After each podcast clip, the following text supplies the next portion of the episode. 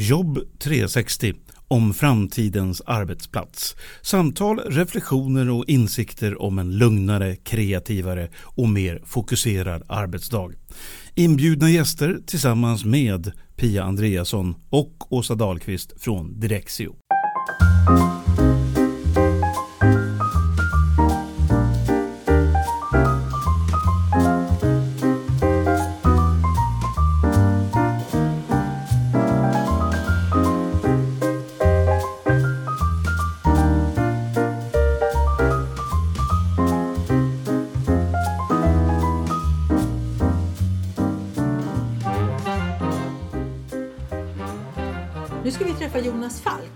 Ser jag verkligen fram emot. Ja, jag förstår det. Du verkar väldigt pepp. Vad beror det på? Jo, ända sedan jag började förstå vad aktivitetsbaserat arbetssätt innebär så har jag också förstått att Jonas var en av de första här i Sverige som fick upp ögonen för det här nya arbetssättet. Ja. Mm. Och det är han och Jonas Hurtig Grabe, han som vi träffade förut, eh, Mm. den långa Jonas. Eh, precis, de jobbar ju tillsammans med det här nya arbetssättet och försökte tillsammans förstå vad det skulle innebära. Både för den fysiska utformningen av kontoret då, som, som Jonas Falk är bra på. Eh, det behövde bli annorlunda, men Mm. också för själva arbetssättet. Ja. Eh, Sen har jag också hört Jonas på många konferenser om aktivitetsbaserat arbetssätt de senaste åren så det ska verkligen bli intressant att prata med honom Mm. om framtidens kontor. Ja, då, då förstår jag varför du vill träffa honom. Eh, Jag blir faktiskt också lite nyfiken så jag tycker vi går in. Ja, Mm. det gör vi!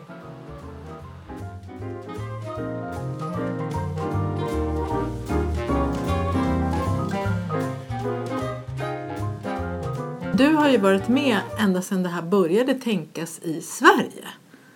Jag, Så- jag, jag, jag har egentligen...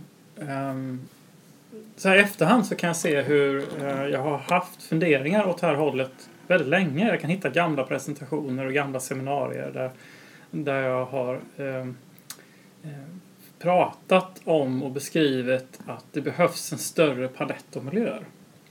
Eh, det, det, kan inte, det räcker inte bara med här skrivbordsmiljöerna. Det fattas saker det här. Ehm, Det var bara det att för 10-15 år sedan då kom vi undan med att vi hade mer generös myta. Så att även om vi gjorde traditionella kontorslandskap då så, så fanns det så mycket yta så att vi- vi fick in rätt mycket andra miljöer i det. Så, så jag tror att det som fick det att, så att tippa över till att det plötsligt blir miljöer som funkade ofta rätt dåligt det var att vi successivt har tryckt ihop det här. Och jag kan se hur vi har halverat ytan under de här 10-15 åren. Kvadratmeter I per kvadrat- person Ja, alltså. kvadratmeter per person. Och då från, vad, vilken siffra pratar vi om? 25-30 Ja, men drygt 20 kanske pratade Ja. vi om då när vi pratade om kontorslandskap. Då var ju oftast projekten handlade ju inte sällan om att man skulle flytta ut från egna rum i kontorslandskap. Mm. Man gick kanske från 35 kvadrat per medarbetare till, till 20-25. Eh, och nu vi, ligger det ofta på 10-15 kanske. Mm. Eh, och då, då blir det problemen väldigt uppenbara på många sätt. Konflikterna blir större, man sitter tätare. och Man, det blir väldigt jobbigt att sitta och koncentrera sig bredvid någon som sitter och pratar om fotbollsmatchen igår. Och så så att det, det händer massa grejer plötsligt. Då. Så att det, det, ehm, det gjorde att det hela tiden har funnits någon eh, tanke kring att det måste gå att göra det här på smartare, smartare sätt. Det måste finnas andra sätt att lösa det här på. Eh, och det som kanske också provocerat mig mer och mer har varit standardiseringen av de här kontorsmiljöerna. I Sverige är vi väldigt bra på att standardisera saker. Vi, Vad innebär, vad innebär det Hur tänkte du då? Vad var det som var Nej, standardiserat? men vi, vi har standardiserat hur kontor ser ut och hur man bygger kontor. Mm. Eh, det är parat med det här att vi i Sverige då så är det fastighetsägaren som bygger allting och ansvarar för allting som är byggda och hyresgästen ställer in möbler i det kan man säga. Många andra länder är det inte så. Där är det hyresgästen som eh, man hyr kåren och så bygger man inneväggar och belysning och alltså allt du ser. Eh, Och då har man ju mer kontroll över allt det. Men i Sverige så har det legat på fastighetsägaren och det är klart att det finns ett intresse av att standardisera och generalisera de lösningarna för det gör att det blir mer hållbart över tid. Så det finns absolut en hållbarhetsaspekt i det. Men det gör ju också att det blir väldigt lika lösningar. Lamporna sitter där de sitter. Svenska och- undertak ser ju banne mig exakt likadana ut var man än är. Och det blir lite trist till slut. Eh, och, och det gör ju att om man då säger att vi, vi, det finns en annan dragningskraft åt att vi vill ha mer variation. eh, både estetisk variation men också funktionell variation, så finns det faktiskt en liten konflikt i det där. Eh, så att det var inte så lätt att få till det alla gånger eh, i de här traditionella kontorslandskapsprojekten. Mm. Så det är klart att när vi, när vi såg att vänta nu här, här är ju nyckeln till det här. Om vi kan hitta mobilitet hos medarbetarna. Och man kunde då direkt se, på så fort vi började göra beläggningsmätningar så kunde man ju se att eh, man använder ju de här skrivborden en tredjedel av tiden. Eh, en tredjedel av tiden är man någon annanstans i huset och en tredjedel av tiden är man utanför huset. Så okej, okay, låt oss leka med tanken att man kan vara mobil. Vad händer då? Ja, men då kommer ju en till två tredjedelar spel helt plötsligt. Mm. Där kan vi skapa den här variationen. Där kan vi då, och då börjar vi fokusera om och se, ja, men vilka är då de här andra miljöerna? Vad är det vi saknar för någonting? Uh, och, och den listan blir ju jättelång. Jag blev väldigt nyfiken där när du sa att du, du fick först en tanke på att någonting fattades. Så vad var det du fick ögonen på? Vad var det som stod först på den där listan då? Vad du kände att det här saknas? Ja, egentligen två saker tycker jag var väldigt uppenbart tidigt som vi då uh, alltid i de tidigare projekten, kontorslandskapsprojekten, har varit ett problem. Det ena är arbetsrum. Man saknar arbetsrum. Mm. Uh, och ytterst få projekt så har man möjligheten att rita en massa arbetsrum. Alltså arbetsrum, enskilda rum? Nej, enskilda, enskilda arbetsrum. Okay. Mm. Man går in och stänger mm. dörren och jobbar för sig själv. Mm. Eftersom man var tvungen att äga ett skrivbord så, så var det ju liksom antingen så har du ett arbetsrum hela tiden eller så har du det inte. Mm. Och då blev det oundvikligen så att det var eh, få typer av företag, advokatkontor till exempel, där en stor andel kunde ha egna rum. Men i, i, i övrigt så var det ju kanske någon direktion då, där det kanske var minst motiverat på många andra sätt. Så att det var en brist, en uppenbar brist som alltid fanns där. Eh, så att, så att det var ju en sån grej. Okej, kan man vara lite mobil och rörlig och vi kan få loss yta, då kan vi ha arbetsrum som alla kan få tillgång till vid behov. Eh, jag tycker fortfarande att kanske en av de viktigaste poängerna med de här eh, aktivitetsbaserade miljöerna är att kunna ha tillgång till arbetsrum vid behov. Mm. Och det frustrerar mig jättemycket att man fortfarande bommar det i så många projekt. Varför gör man det tror du? Ja, det är bygga rum. Det sitter i ryggmärgen att det är dyrt och det är bökigt och det blir oflexibelt. Och det, jag vet inte. Mm. Det jag, jag, jag, är nästan förvånad för det är ingen...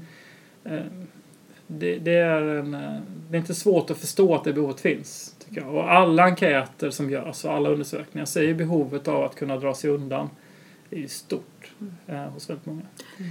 Det, det, andra saken som jag alltid störde mig på det var att vi i Sverige så har vi ju varit väldigt duktiga på att titta på arbetsmiljön för det individuella arbetet.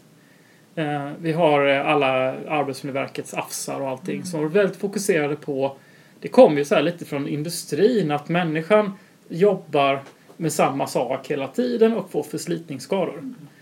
Alltså måste du hitta den perfekta sittställningen och det har irriterat mig jättemycket för det är ingen människa i världen som sitter som ni har sett de här figurerna med vinklar och grejer. Och, ja, och, men vi har ju, trots att det finns något bra i det, vi har ju haft stor kunskap i att man ska må bra, man ska eh, ergonomi är viktigt och så vidare. Höj och sänkbara bord. Ja, allt det där. Och vi, vi, och vi har lagt mycket pengar på det och mycket krut på det. Men samtidigt så vet vi ju att vi, vi samarbetar ju minst lika mycket som vi jobbar individuellt. Hur ser de miljöerna ut då? Ja, det har ju ingen funderat på utan det har ju varit mötesrum. Det är som det här rummet vi sitter i nu. Ja, så ska man titta på någon så sitter man med huvudet vridet Ja, men lite så. Det är ett traditionellt mötesbord i mitten med mm. några stolar och kanske en whiteboard och en, en, en projektor. Eh, ganska enformiga miljöer som är bra på en hel del saker men, men jag tänkte att det kan ju inte vara svaret på alla typer av samarbete. Det kan ju omöjligt vara det. Och där känner jag också att det är någonting som vi håller på att utforska fortfarande och jobbar med alla projekt. Hur ska mm. de här mm. miljöerna se ut så att de används och fungerar på ett bra sätt. Har ni kommit fram till någonting om det här med mötesrum? Eller med ja, det har vi. Vi har kommit fram till att vi behöver ha olika typer av miljöer. Även där behövs det, samarbetar vi på olika sätt. Vi har också lärt oss att eh, eh, misstagen tidigare på grund av den här okunskapen har varit att det som inte har varit individuella arbetsplatser har varit rätt mycket blivit lite för skojigt ofta. Det har blivit lite så här färgglada lite sittpuffaktigt. Ja, de här sittpuffarna som jag Ja. tycker, varje gång jag ser en sån så känner jag, jag vill inte sätta mig där för jag kommer att ramla baklänges. Ja, det, o, det ser lite obehagligt ut och sådär men ändå, ändå ser man dem överallt. Jag jobbade i ett, en business lounge ett tag, med mitt, så jag har ju ett eget företag då. Och då fanns det också olika rum. Det var en helt ny Inred business lounge i, i Nacka. Och då fanns det ett rum som var väldigt vanligt och tråkigt. Som såg ut som det här rummet ungefär. Men sen fanns det lite roligare rum. Eh, några, någon med sittpuffar såklart och så var det någon som var lite orientalisk och sådär. Men på något sätt så var det som att ändå alla drogs till det här tråkiga rummet. Och jag vet inte om det är för att man... Jag funderar mycket på vad det kunde bero på. Har du någon tanke Jonas? Vad beror det på? Varför dras vi till det tråkiga? Nej, men vi är jag- tråkiga själva och inte vågade riktigt ta ut Nej men vi eller- är ju, jag tror att vi, jag vet inte om det är någon svensk läggning, men vi är väldigt eh, funktionella av oss. Vi, vi gillar inte miljöer som inte funkar. Det måste vara funkis. Och, och det, är ju- det ser vi den, i, i de projekten vi gör. Eh, Det visar sig direkt om vi inte har varit duktiga nog på att göra det både funktionellt nog och eh, gestaltningsmässigt intressant nog. Så det, det, måste vara både och. Det, det ser vi jättetydligt. Och det gör ju att vi eh, ett misstag som vi tycker att många, många gör det är att man tror att man kan ställa ut lite olika sorters möbler och så är det löst. Men det räcker inte. Vi måste skapa kompletta miljöer som har olika karaktär anpassade för det syftet och den känslan som vi är ute efter. Det betyder golv, väggar, tak, belysning och möbler och så vidare. Så det, det räcker inte att bara ha olika möbler. Och, då, och där har vi då den här, som jag tycker fortfarande en litet dilemma i det här svenska sättet där fastighetsägaren står för allt det byggda. För då blir det ju lätt att man ställer in möbler i det lite generiska. Det är vita undertak, det är vita väggar och mellangrå mattor. Och så söker vi skoja till det med, med möbler. Men det räcker inte. Så att man måste jobba mer med de frågorna.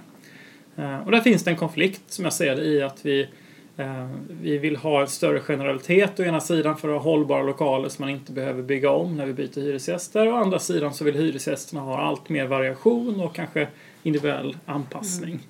Eh, Och det, är- det, är en, det är en konflikt rent krasst som vi måste jobba med på ett smart sätt. Ja, det jag tänker, spontant tänker jag på Vasakronan som har sina nyckelfärdiga kontor där de har byggt kontor som ska kunna passa väldigt många olika företag där de eh, hyresgästerna inte ska behöva tänka på kontoret utan vi bara får nyckeln och flyttar in och sen ska det funka. Vad, vad tror du om en sån? Finns det sådana generella lösningar eller måste man liksom skruva för alla eller hur? Um, jag tror att det är olika. Jag, jag tror att det är, är det någonting som vi eh, jag tror vi vänjer oss vid så är det att det är olika. Det här, det här är att vi tror att vi ska hitta den här magiska lösningen som passar alla. Det, det tror jag inte på. Utan människor är olika, företag är olika, förutsättningar är olika, fastigheter är olika. Så att, eh, att jobba mer med kvaliteterna i fastigheterna, det tror jag på. Att, att vi är mer arkitekter. Det kan gå lite för fort ibland, men att vi jobbar med grundkvaliteter oavsett vad man ska ha, om det ska vara aktivitetsbaserat eller inte. Så, så att se till att det finns bra logistik och zoner och dagsljushantering och akustikfrågor. Grundläggande arkitektoniska kvaliteter. Att det är vackra hus, vackra lokaler. Att det finns en... Att, att, att de här sakerna är genomtänkta. Hur ska den här lokalen kunna delas i framtiden? Och, eh, får vi ordning på det? Att vi lyfter fram lokalernas kvaliteter och hanterar de eh, svåra sidorna på ett bra sätt. Eh, då kommer lokalerna funka länge. Om man sen väljer att måla med olika färger och så vidare, det är en, en enkel sak att fixa. Så att jag tror att man behöver hitta den här vad är, vad, är det som är, vad är det som är dyrt, egentligen är dyrt att bygga om varje gång? Ja, det är ju de sakerna. Mm. Medan ytskikt och färger, ja det har ändå begränsad livstid så det kanske vi kan leva med att det är olika. Så att det är väl ett sätt att få hållbarhet i det, att, att jobba med grundkvaliteterna eh, på ett bra sätt. Mm. Eh, Sen ser de, eh, de eh, hyresgäster som eh, får till en riktigt bra modern kontorslösning så blir det en inbyggd flexibilitet i det som gör att man kommer inte flytta lika ofta. Det är också en aspekt att ta med sig. Jag tänker att när jag, när jag berättar att jag jobbar med de här frågorna så märker jag att det väcker ganska mycket känslor hos människor som jag känner. När de får höra bara det här med aktivitetsbaserat kontor. Vad tror du det beror på? Ja, det har jag funderat jättemycket på. eh, För det är... Jag har väldigt stor respekt för de känslorna. Det är ju... Människor blir ju både upprörda och ledsna på riktigt. De sitter ju inte och hittar på. Eh, Och och och det kan vara, jag tror att det kan vara många saker. Det är ehm, Ibland kan det vara helt andra saker som ligger bakom naturligtvis. Men det är någonting med förändring som är jobbigt. Eh, och det är det som gör det så oerhört viktigt att det finns en tanke bak de här förändringarna. Det ser vi ju jättetydligt. De företag som har en ledning som kan förklara varför gör vi den här förändringen och, och hur, hur, har vi, hur tar vi hand om den på ett bra sätt och vad vill vi uppnå med den. Då kan ju folk köpa nästan vilken lösning som helst. Och sen har vi andra som gör skitfina lösningar. Men ingen förstår varför. Och då går det inte alls. Så att, Då man känner sig lite överkörd kanske också. Eller att man tänker att som Ja. anställd då... nej men vi är väl lite förändringsobenägna allihop. Mm. Eh, Ja, det håller jag är man ju- verkligen Det är man ju själv också. Så Ja. Det är inte så konstigt Nej. tror jag. Och, Det är, eh, Hjärnan är som den är. Det vill helst ha det ungefär som igår. ja. Var det, var det, läste jag någonstans. Att, eh, nå- något sån här lika som det var igår. Då känner man sig bekväm. Då är man trygg. Och det är också någonting som jag mm, tänker mycket på i det som vi gör i Direxio och så. Hur skapar man trygghet? Vi har ju våran lilla bit att vi skapar en trygghet i att man kan klara det här digitala på, på en gemensam basnivå. Att man kan klara sig själv utan eget skrivbord. Att det faktiskt finns en möjlighet till det. Att börja trygghetsresan där. Men det finns ju mycket, mycket större aspekter på det här med trygghet. Just hur, bygger man, hur kan man bygga in trygghet i, i miljön? Men jag tror att det finns, eh, eh, om man eh, om man inte pratar om miljön ut- utan så tror jag att det finns trygghet på lite olika nivå. Och där ser jag tydligt, vi träffar ju massa företag och vi ser en tydlig skillnad där. där man säger att det finns en trygghet i det individuella. Jag har min plats, min lilla sfär här. Jag har en trygghet i det.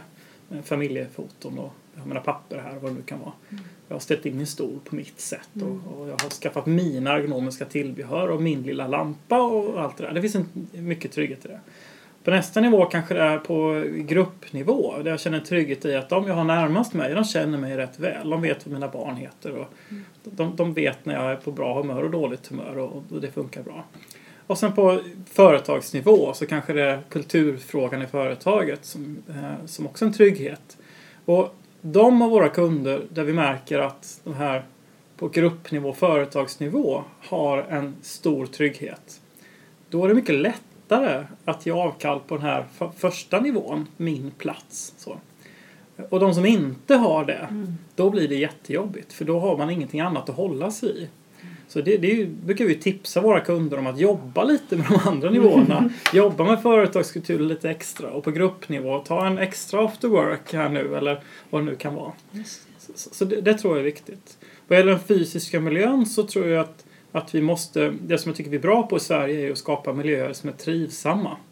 Om vi bara kan överlista då när det finns eh, vi råkar ut för eh, schweiziska och amerikanska designchefer som ger oss manualer där det är bara vitt, kallt och grått och så. Och, det, och vi gillar ju inte det. Jag brukar skylla på att vi i kalla Norden behöver, när vi väl går in så måste det vara lite trivsamt omhändertagande. Ja, faktiskt. Men, men det spelar faktiskt roll tror jag. Är det, är det så att miljön känns behaglig och mjuk och mänsklig eh, då blir man lite lugnare och lite tryggare. Så vi kan absolut påverka det eh, på det sättet. Eh, vi kan naturligtvis i dimensioneringen jag tycker det är jätteviktigt att jobba med dimensionering. Att vi har en bra idé om vilka miljöer ska vi ha, hur många av dem ska vi ha. Hur kan vi säkerställa att det här kommer funka? För det är ju folks största oro. Det är att jag hittar inte den platsen jag behöver när jag kommer på jobbet.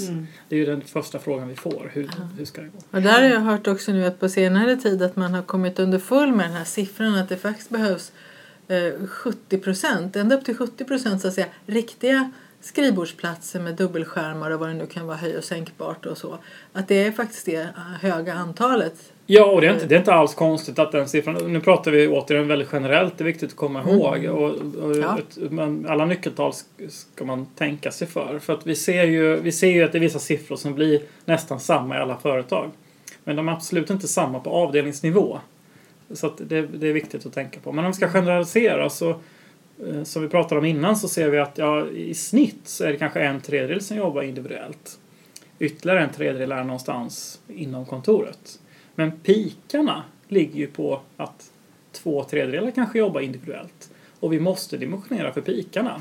Så att det, Så att det finns plats för alla. Ja, Då- så att inte de här situationerna uppstår. Att man blir orolig och man Mm. märker att kommer jag kvart i nio så Yes. finns det ingen plats Ja. kvar. Så att göra de där eh, eh, beläggningsmätningarna ganska grundligt. Nu finns det jättebra verktyg för det så man kan se eh, hur det förändras över dagar och allting. Så att man har belägg för vad, hur ser de här mönstren ut. Det kan finnas företag där det finns eh, varannan fredag så händer någonting. Eller det finns andra företag så är det över dagen som det förändras. Och, och så måste man ha en god idé. Hur hanterar vi det? Vissa företag kanske säger att de här pikarna, de hanterar vi på det här sättet. Då får folk leva med att det är lite trängre här. För vi är den typen av företag där det ska vara så. Och för andra så är det inte alls det. Här måste vi verkligen gardera oss. Så att man behöver, man behöver prata om hur det här eh, riskskalan ser ut och lite mer medvetet placera sig på den tror jag. Mm, de här medvetenheten som du säger att man mäter av för att jag vet att Microsoft till exempel de stänger av ett våningsplan på sommaren när det är färre personer där. Ja. Och eh, det jag hörde som jag tyckte var så roligt när jag var där det var ju då att då stänger de också igen toaletterna på den avdelningen så att det går liksom inte att jobba bekvämt där därför att den våningen behövs inte då på sommaren när det är färre Precis. människor. Och det är ingen som hakar upp sig på det utan man vill ju ändå ha lite folk runt omkring sig. Och, eh, och det här med hur många som är på kontoret samtidigt det hörde jag också en rolig berättelse. Det var det att man hade beställt semlor till alla. Och det var väl 200 personer då på det företaget så de har beställt 200 personer och när dagen var slut stod de där med 60 semlor. Och det var då de förstod att det här, hur många är på kontoret samtidigt, att den siffran verkligen stämmer. Ja. Det är inte fler än 70 procent, inte ens om vi har köpt semlor. Nej. Nej, men sen, sen, så.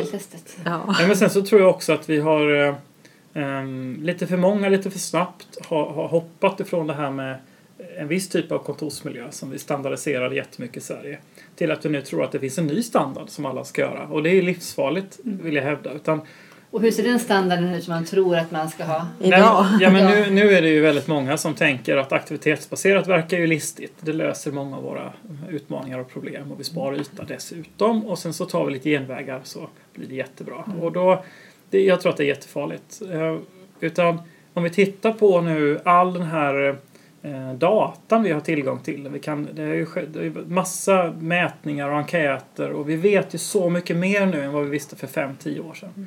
Och, och om man då lyfter upp de viktiga frågorna i det och säger att det här är, är behoven som finns. Det här är saker som man vanligtvis tycker inte fungerar men som man tycker är jätteviktigt att det fungerar. Då måste vi kunna applicera det oavsett vad det är för typ av kontor man väljer att jobba i. Det är ju jätteviktigt. Vi jobbar med stora industri, eh, eh, industriföretag i Sverige med massa utvecklingsingenjörer.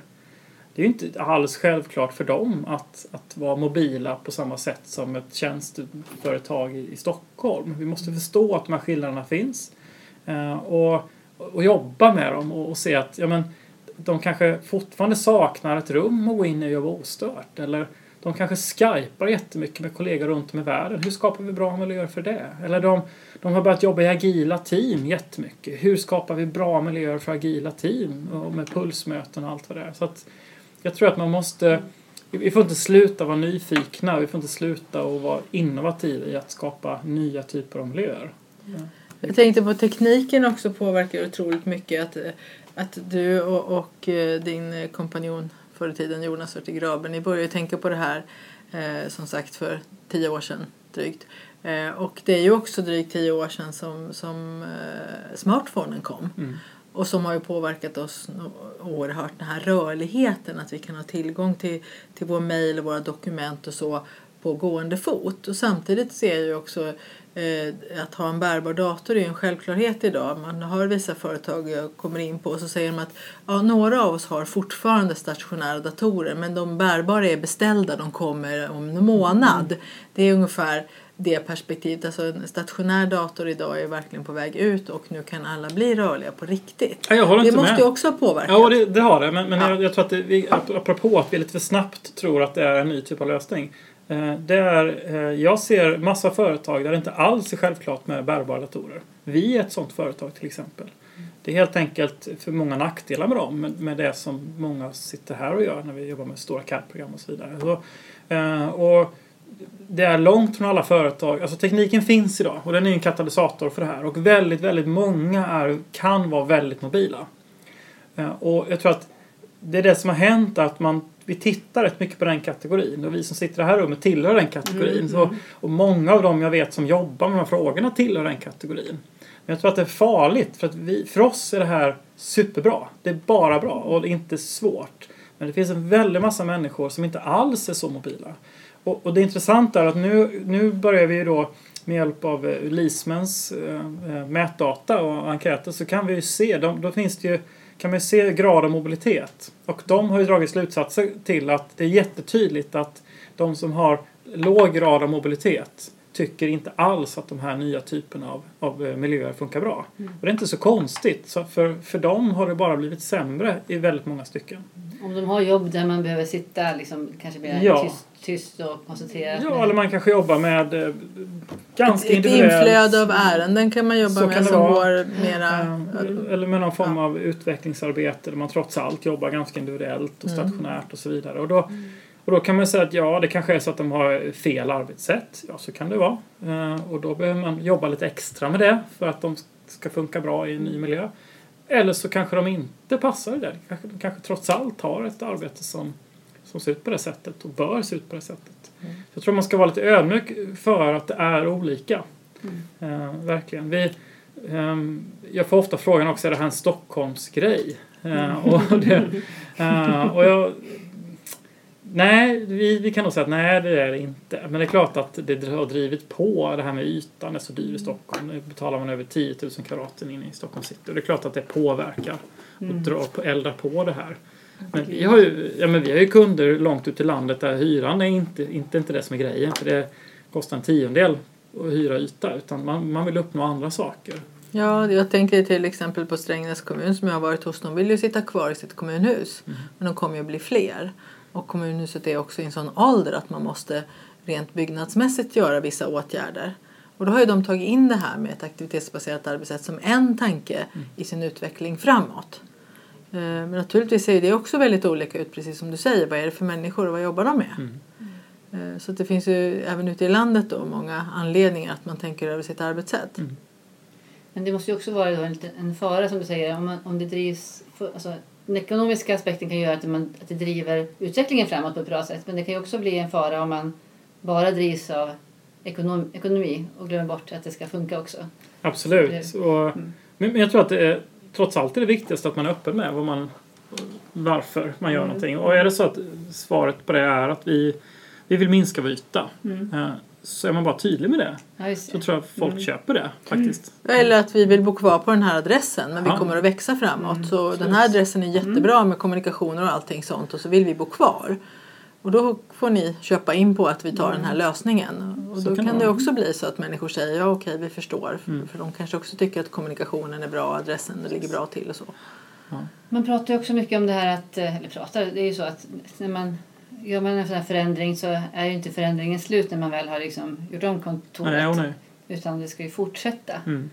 Eh, vad ser du, nu är det såklart olika från olika kontor och olika företag, men ser du några tydliga eller trender på vad det är som oftast förändras i första skedet när man väl har bott in sig lite grann? Och vad är det man ofta upptäcker? Att, Speciellt om man har... Nej, men jag, jag ska säga att det är ganska olika. Det beror Mm. lite på hur väl man har lyckats med att matcha lösningen med företagets Mm. behov och hur långt man har nått på sin förändringsresa. Mm.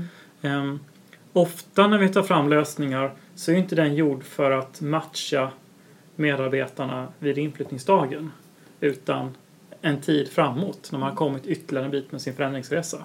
Det är väldigt sällan som man mäktar med sin förändringsresa till fullo innan man flyttar in. Det gör att det första som händer väldigt ofta är att medarbetarna flyttar in och är ganska mycket kvar i sitt gamla arbetssätt och letar skrivbord.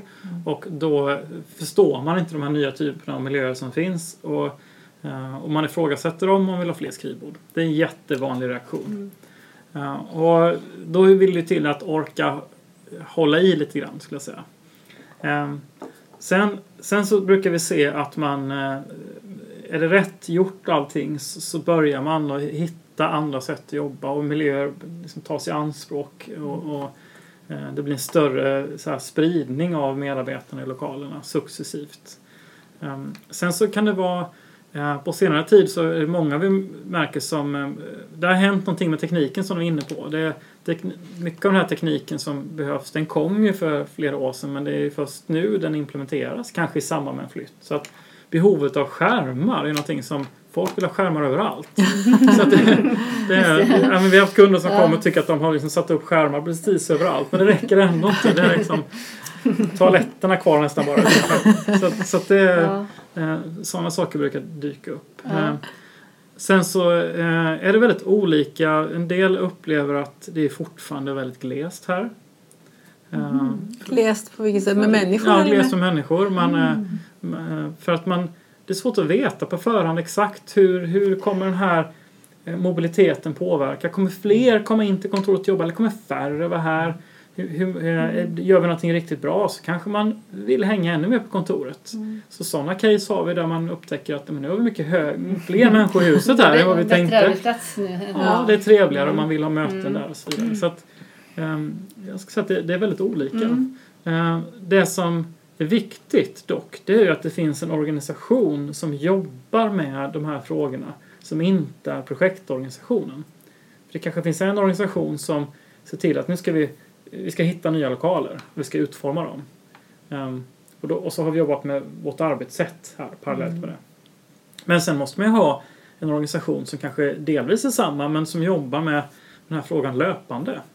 För det måste ju leva hela tiden. Företaget förändras, man anställer nya medarbetare, man köper upp bolag med kommer flera hundra nya medarbetare som inte har varit med på resan och så vidare. Så man måste jobba med det här. Och de som vi tycker gör det bäst, det är de som, som hökar går på de här miljöerna som man tycker används för dåligt. Istället för att titta på de miljöerna som är överbefolkade så ska man titta på de miljöerna som är tomma. är tomma. Varför är de det? Eh, och inte bara byta ut möblerna direkt utan fundera på vad saknas här? Är det för att man inte förstår hur de ska användas? Eller är det för att vi missat någonting? Ja, men, sätt upp en skärm här kanske så det händer någonting. Eller så, nej men den är, den är inte så bra. Vi byter ut den. Mm. Så att man hela tiden får hela lokalerna i spel. Mm. Det, det är bra. Att man får in det tänket också att det här är en föränderlig miljö. Alltså nu har vi inte byggt klart nu ska det se ut så här för alltid utan vi kan förändra. Kanske inte inom de närmsta månaderna men tänker vi på det över tid så kan vi byta ut, ändra, justera och så. Jag tänker att det är en utmaning också i företaget att ha en sån person för det kanske inte har funnits traditionellt någon sån befattning. Nej, Och att, då, att man då måste uppfinna den här. Och det ska bli spännande att se lite längre fram om det liksom börjar bli fler och fler som har den här liksom uppgiften eller befattningen på något sätt. Så att det blir en mer och mer en självklarhet. Nej, men jag tror det och det, vi, vi ser ju hur våra, eh, våra kunder har ju gått ifrån att det är en fastighetschef och eh, facility manager-roll som har varit ansvarig för att det finns lokaler som då är den som driver de här projekten till att det mer och mer successivt åker åt HR-hållet.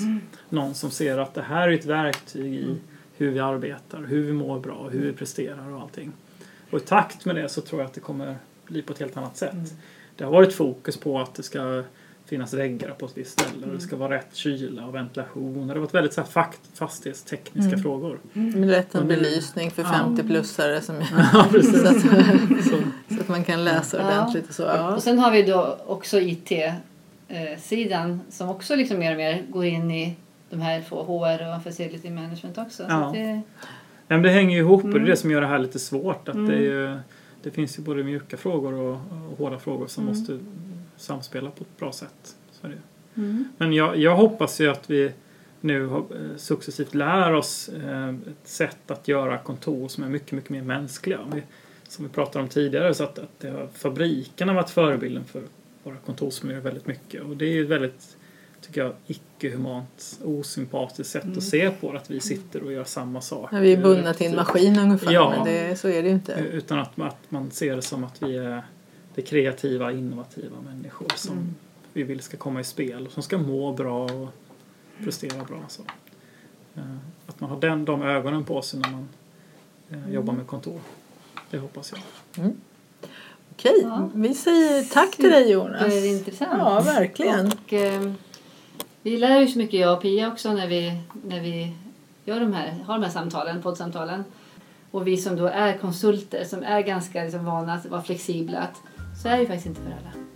Nej, det är Mm, olika. precis. Mm. Olika för alla. Ja. Ja. Okej, Tack. tack, Tack tack. Tack.